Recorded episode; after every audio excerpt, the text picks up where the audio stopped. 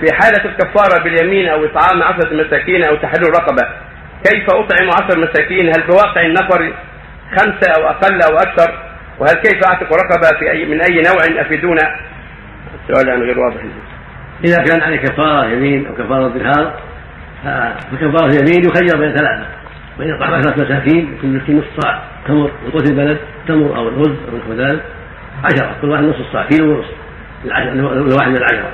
أو يكسوه كسوة تجزيهم الصلاة مثل إزار الرداء مثل القميص أو اعتق رقبة مؤمنة إذا تيسرت.